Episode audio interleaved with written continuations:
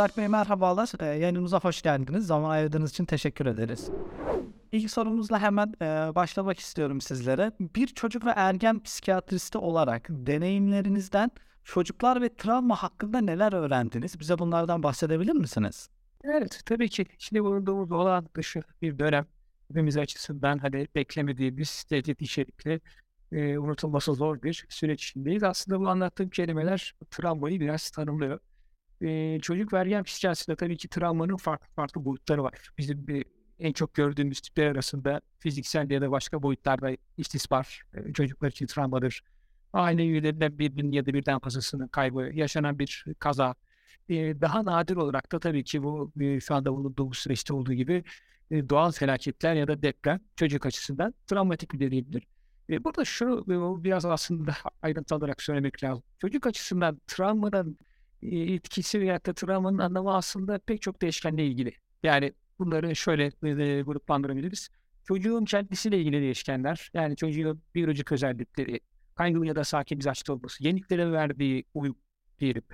Eee, bunun yanı sıra çocuğun psikolojik özellikleri, belirli psikiyatrik ya da ruhsal bozukluklar açısından risk altında olma, geçmiş deneyimleri, geçmişte öncesinde başka bir travmatik deneyim yaşayıp yaşamadığı, ailesinde böyle bir şey gör görmediği ve bunların yanı sıra tabii ki, eee, çok önemli olan ve belki de bizim üzerinde, hani, değişiklik yapacağımız bir şey, ebeveynlerin tutumları, ebeveynlerin olayı ele alışı, ebeveynlerin, eee, değerlendirmeleri, uyum süreçleri ve herhangi bir travma anında verdikleri psikolojik reaksiyonlar bunların hepsi çocuğun travmayı algılaması, travmanın çocuktaki etkisi açısından önemli.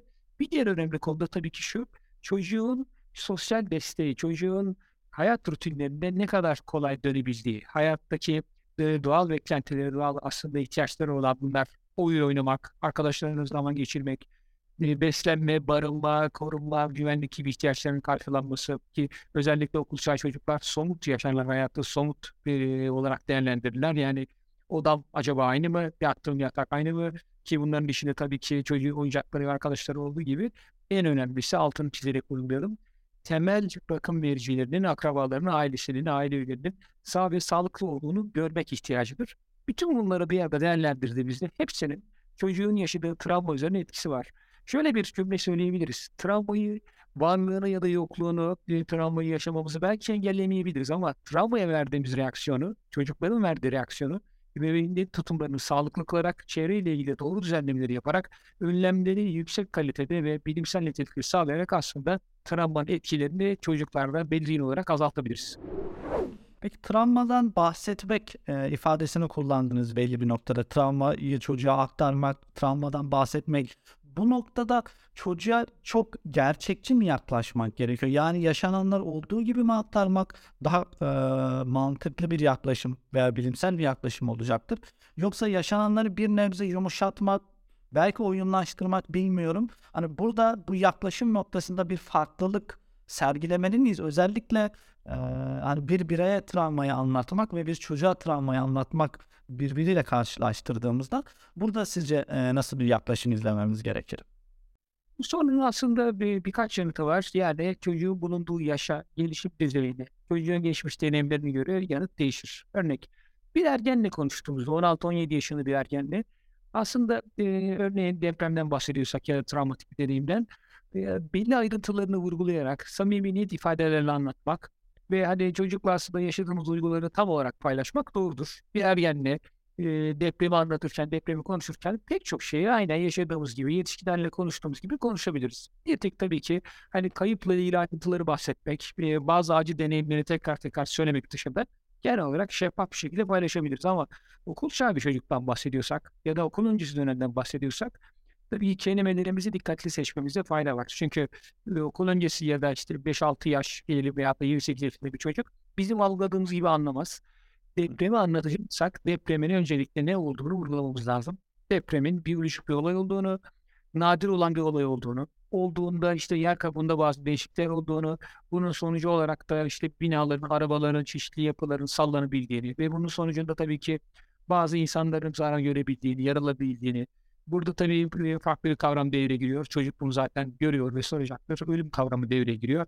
Ölümle ilgili çocuğun bulunduğu yaşa göre doğru açıklamaları yaparak ve biraz daha okul çağında yani ilkokul yıllarındaki çocuklarda biyolojik yönlerini, somut yönlerini vurgulayarak anlayacağı kelimelerle tane tane anlatarak depremi çocuğa tanımlamak lazım.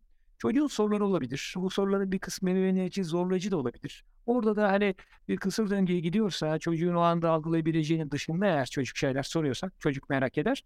Ve daha net ifadelerle söylemek lazım. Tüm bakım vericilerin aynı kelimeleri kullanması lazım. Her zaman bizim açımızdan somut gerçeklerle yaşadıklarımızı anlatmak önemli. Yine mesela ölüm kavramından bahsedelim. Ölümü anlatmak için e, tabii ki biyolojik fonksiyonlarımızı yani vücudun nasıl çalıştığını kabaca anlatmak çocuğun bilmesi önemli. İşte kalbimiz atar, nefes alırız, damarlarımızdan kan akar. İşte e, nefes aldığımızda işte belli fonksiyonlarımızı yerine getiririz. Bazen kalbimizde kalbe bir saat gibi bile tanımlayabilirsiniz.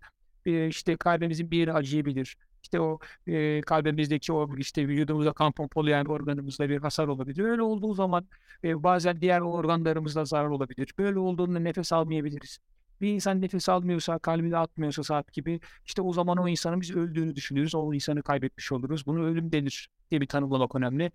Ölümü anlatırken kelimeyi vurgulamamız da yine bizim açımızdan çok anlamlıdır. Yani hani işte bir melekler aldı, işte uzak bir seyahate gitti, o bizi yukarıdan görüyor gibi ifadeler değil. Kelimeyi mutlaka vurgulamamız lazım. Yani çok seviyordu konu. O bizim için çok değerliydi. Ama o öldü.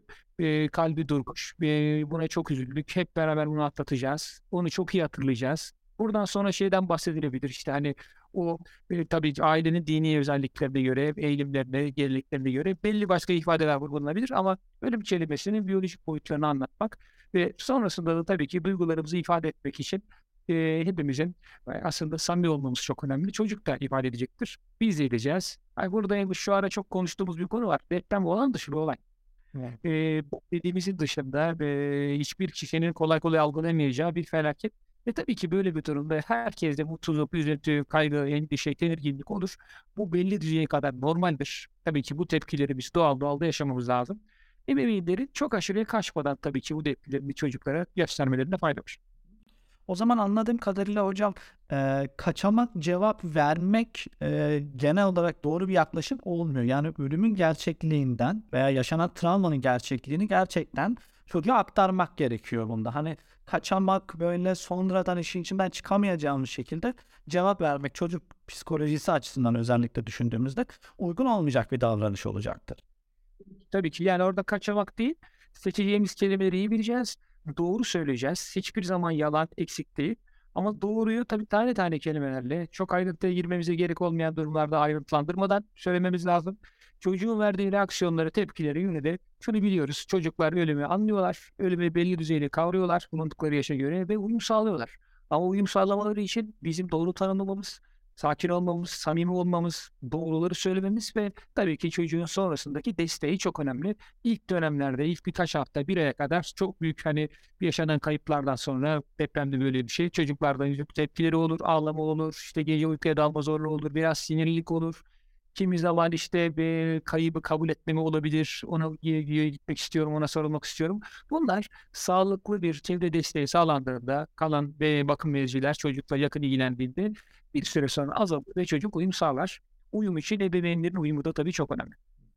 Anladım hocam. Peki bununla bağlantılı ek bir soru soralım. Hani çocuklara yaklaşımdan vesaire e, temel olarak bahsettik aslında ama çocuklara özellikle ebeveyn özelinde düşündüğümüzde, çevre ve ebeveyn özelinde düşündüğümüzde en iyi nasıl desteklemek gerekir çocukları? Bir önceki soruda da rutine dönme tarzında bir e, yanıt kullanmıştın. Sana bunları genel bağlamda değerlendirdiğimizde en iyi ebeveynler tarafından özellikle çocuk e, en iyi destek çocuğa nasıl sağlanıyor olacaktır?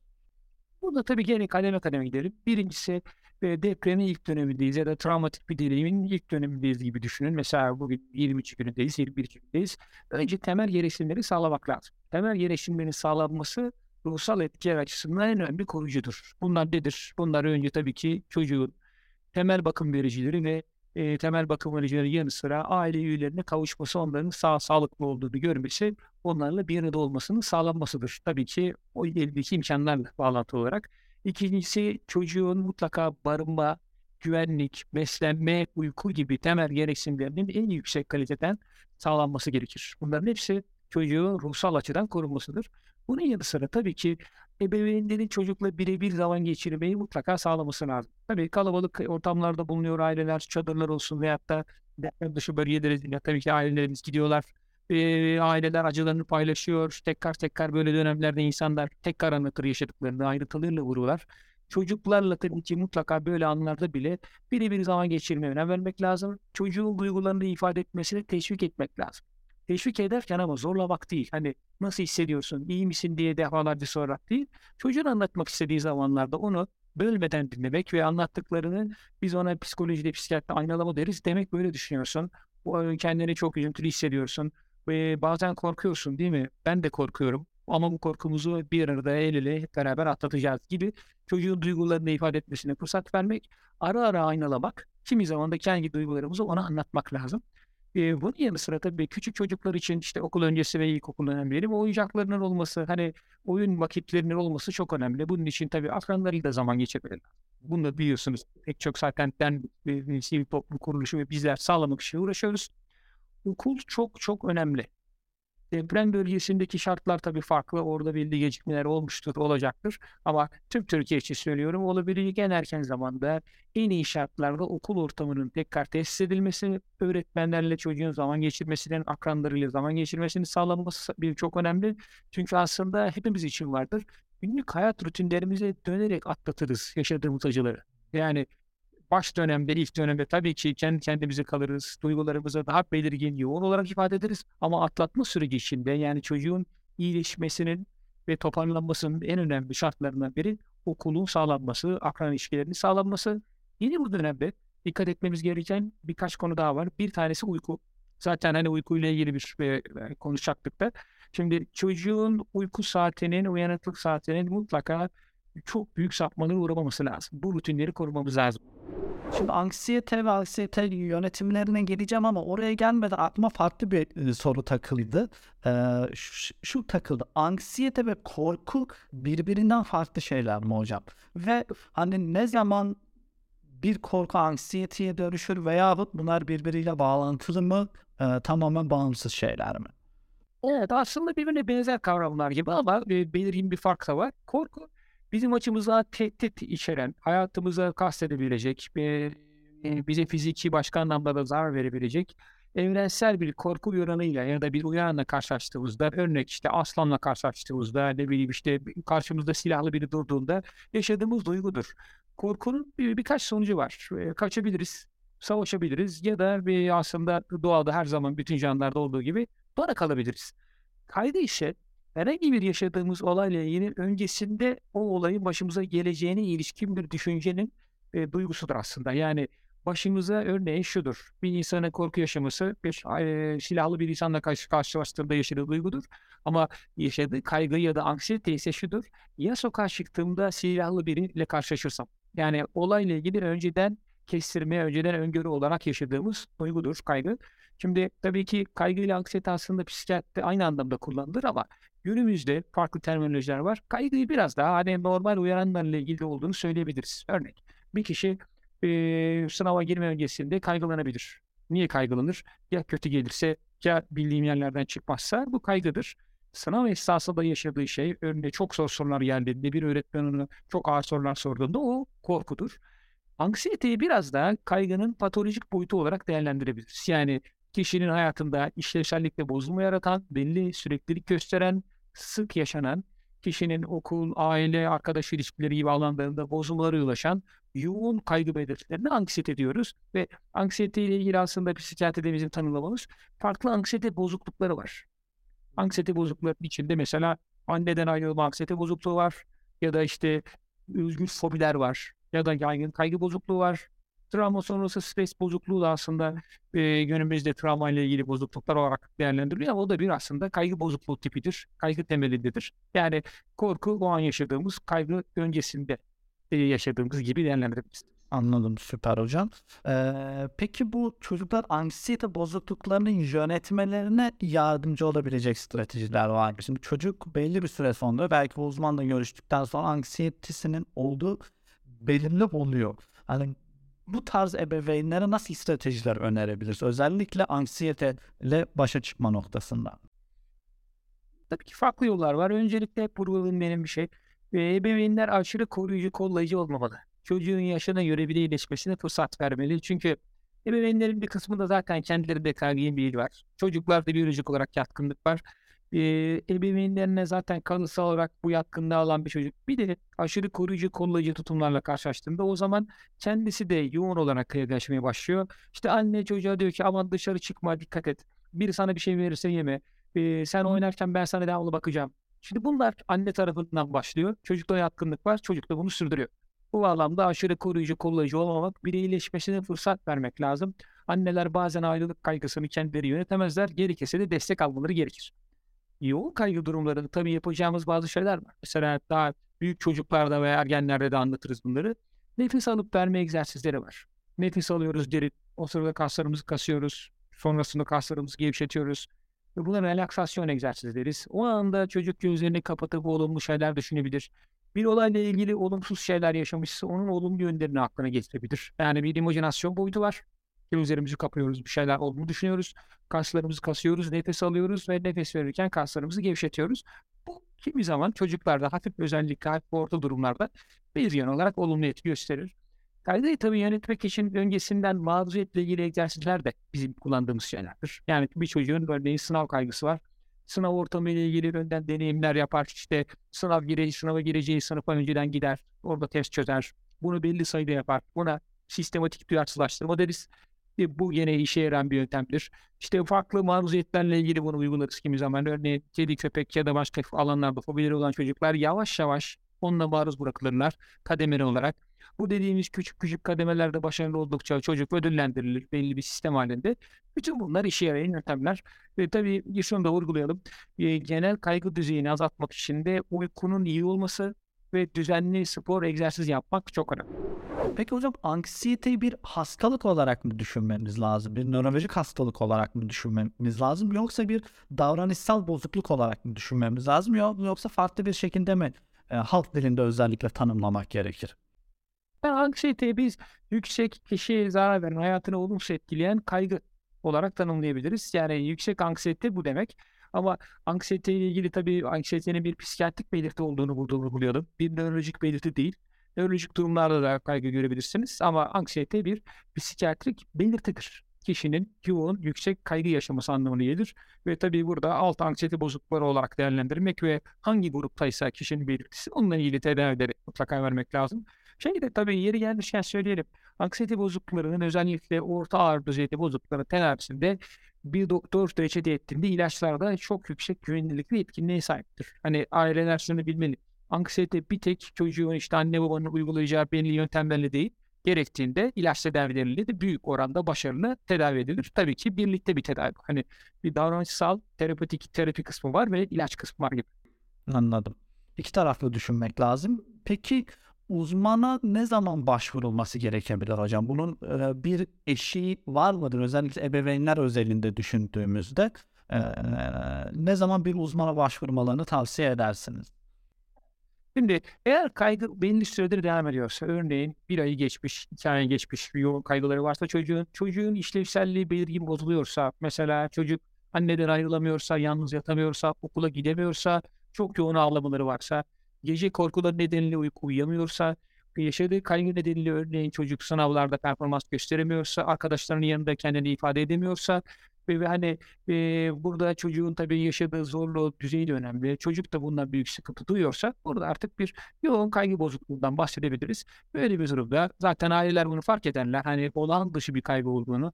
İşte bir çocuğun sınava girme öncesinde birkaç gün ya ya kötü geçerse demesiyle bir çocuğun sınava yaklaştıkça haftalar boyu uyku uyuyamaması, ağlaması, sinirlenmesi, okula gitmek istememesi, sınavda kendini anlatamaması, sınavda ağlaması, nefes alamaması bunlar tabii ağır belirtiler, ağır yakınmalar. Aileler bunu genelde fark ederler. Hani düzelmeyen, çocuğun hayatını etkileyen kaygı belirtilerinde biz anksiyeteden bahsederiz ve psikiyatriye, çocuk ergen psikiyatrisine gitmek gerekir.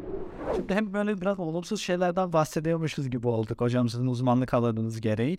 Ee, biraz bunu olumlu tarafına çekmeye çalışırsak özellikle ebeveynler için çocukların hayata odaklanmasını ve motive olmasını isteyen ebeveynler için ne gibi tavsiyeler verebilirsiniz?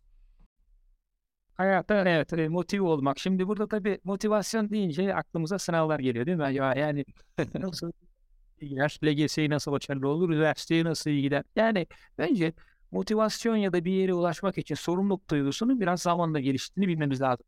Çok ebeveyn görüyorum. Çok anne babayla karşılaşıyoruz. Yani işte ilkokul, ortaokulun ilk yılları 10, 11, 12 yaş çocuklarının bazı anne babalar görüyorum. Diyor ki hedefi yok. Hedef biraz zamanla ortaya çıkar. Ama nasıl? Doğru uyaranları sunacaksınız. Çevresinde çocuk meslek alanlarıyla ilgili bilgi alacak. Bebeğinlerinden düzenli çalışma, e, düzenli hayat ve uygulamalarını görecek çocuk. İşte hayatta belli bir konum sahibi olmayı görecek. Düzenli çalışma prensipli olmanın sonucunda çocuğun ebeveynlerinde bir e, kişisel başarı olduğunu gördüğünü e, yaşadıkça çocuk zaten motive olacaktır. Düzenli, prensipli, planlı çalışma alışkanlığı oturtmak lazım. Bizim için not değil, düzenli çalışma alışkanlığını kazanmak önemli. Ve, ve ebeveynlere hep söylediğimiz bir şey var. Hayatta her şey ders değil, her şey okul da değil. Sosyal olarak kimliğinin gelişmesi çocuğun çok önemli. Bunun için de spor ve sanat etkinliklerini mutlaka çocuğun baştan itibaren birini tercih etmesi için fırsat vermek lazım, desteklemek lazım. E, hobileri olan gençler yani bir müzik aleti çalan ya da sanatla ilgilenen, düzenli spor yapan gençler kendilerini iyi hissederler. Üzüldüklerinde, hayatlarında bir şey istedikleri gibi gitmediğinde daha kolay ayağa kalkarlar. Dersleri daha kolay uyumsallar. Daha rahat dinleyebilirler. Ders çalışmak için dinlenmeniz lazım. Bazı gençler dinlenmeyi bilmezler. Ne yapacağını bilemez. Ama etkin dinlenebilen kişi dinlenirken de beynin belli bölgeleri çalışacağı için daha sonrasında ders çalışmaya daha rahat başlar. Gene hep söylediğim bir şey var onu da vurgulayalım. Ebeveynlerin çocukları dinlemesi gerekiyor. Bizim dönemimizde mesela ebeveynler daha nasihatte bulunurlardı. Hep bir şeyler öğütler verirlerdi ama şimdiki dönemde artık şunu biliyoruz ki öğütten ziyade dinlemek değerli. Çocuk anne babasıyla biri bir zaman geçirmeli. Hep bütün aile olarak değil bir erkek çocuğu babasıyla bazen annesiyle biri bir dışarı çıkmalı. Ebeveyn onu dinlemeli, ona fırsat vermeli. Anne babalar hep tabii olumsuz şeyleri veyahut da düzelecek şeyleri söylemek isterler. Yani mesela bir saat dışarı çıkarlar illa orada ya şu matematiği de biraz düzeltsen der. Kendilerine tutacak. Diyecekler ki bugün kötü bir şey demeyeceğim. Siz bir önce söylediniz ya olumsuz bir şey demeden bir günü geçirecekler. Çocuk anlatacak. Anne baba ile çocuk arasındaki ilişki bu şekilde yavaş yavaş düzeliyor. Bir uzun soluklu bir şey bu. Yaşanan zorluklarda, ders başarısızlığı ya da diğer kırılmalarda ebeveynin sakin kalması, ebeveynin çocuğa şunu hissettirmesi lazım. Yani hayat devam ediyor. Tekrar fırsatlar olacaktır. Sana inanıyorum. Düzenli çalışınca başaracağına inanıyoruz. Sana güveniyoruz. Çocuğa aktif olarak hissetmesi önemli mi? Ve mesela notla ilgili hani not endeksi değil, düzenli planlı çalışma endeksi olmak lazım. Karnelerde çok yüksek karne olduğunda aşırı övgüler veyahut da biraz düşük not olunca cezalandırma değil, sakin olmak lazım. Çünkü önemli olan süreçtir. O zaman genel olarak baktığımızda yani bu her zaman söylüyoruz aslında ama işte ders e, aslında her şey değil dediğiniz gibi. Hani iş dünyasına da baktığımızda şunu görüyoruz. E, hangi meslek grubunu yaparsanız yapın en fazla geliştirmeniz gereken yetenekleriniz genellikle e, bir takım çalışması oluyor. Bir iletişim yeteneğiniz olmuş oluyor. Yani ailelerin aslında dersin dışında bahsettiğiniz gibi spor gibi veya farklı sosyal aktiviteler gibi aktivitelerde çocukları fazlasıyla yönlendirmeniz gerektiğini anlıyorum ben o zaman. Ee, peki e, yavaş yavaş e, görüşmemizi bitirirken ebeveynlere son kez böyle bir tavsiye vermek isterseniz hem motivasyon e, odaklı olabilir hem çocukların kaygı yaşamaması e, adına olabilir hem de geleceğe şöyle umutla bakmalarını sağlayabilecek böyle son ufak tavsiyelerinizi de e, alırsak çok mutlu oluruz. Öncelikle tabii yaşadığımız üzüntülü olaylar var. Çok acı bir dönemdeyiz. Bu dönemi hep beraber atlatmamız lazım bir birliğiyle. Ve, ve pek çok önemli konu var ama en çok böyle hani işte eve götürecek mesaj diyelim. Şunu söyleyebilirim. Teknolojik cihaz kullanımı ile ilgili dengeli olmamız gerekiyor. Teknolojik cihazların hani bizim açımızdan şunu vurgulamak önemli. Aşırı kullanımı, yoğun teknolojik cihaz karşısında kalma çocuklar açısından çok büyük problemlere yol açıyor odaklanma zorluğu, derse dikkati verememe, gerçek hayata odaklanamama, canlı karşılıklı etkileşimlere kendini verememe, hep internet üzerinde arkadaşlık yapma ve bir süre sonra artık bir teknoloji bağımlılığına götüren bir süreç olabiliyor. Burada en baştan itibaren ebeveynlerin çocukların teknolojik cihaz kullanımlarını yaşa göre uygun sınırlarda tutmalarını mutlaka vurgulayalım. Nedir bu? İşte 5-6 yaşından itibaren yarım saattir, okul çağında günde bir saattir, ergenlikte de bir buçuk iki saattir gibi düşünün. Hafta sonları biraz daha fazla olabilir. Buna uymak lazım. E, psikolojiyle ilgili günümüzde tabii çok fazla bilgi var. Artık anneler, babalar Instagram'a başka yerlere yazarak bilgi ediniyorlar.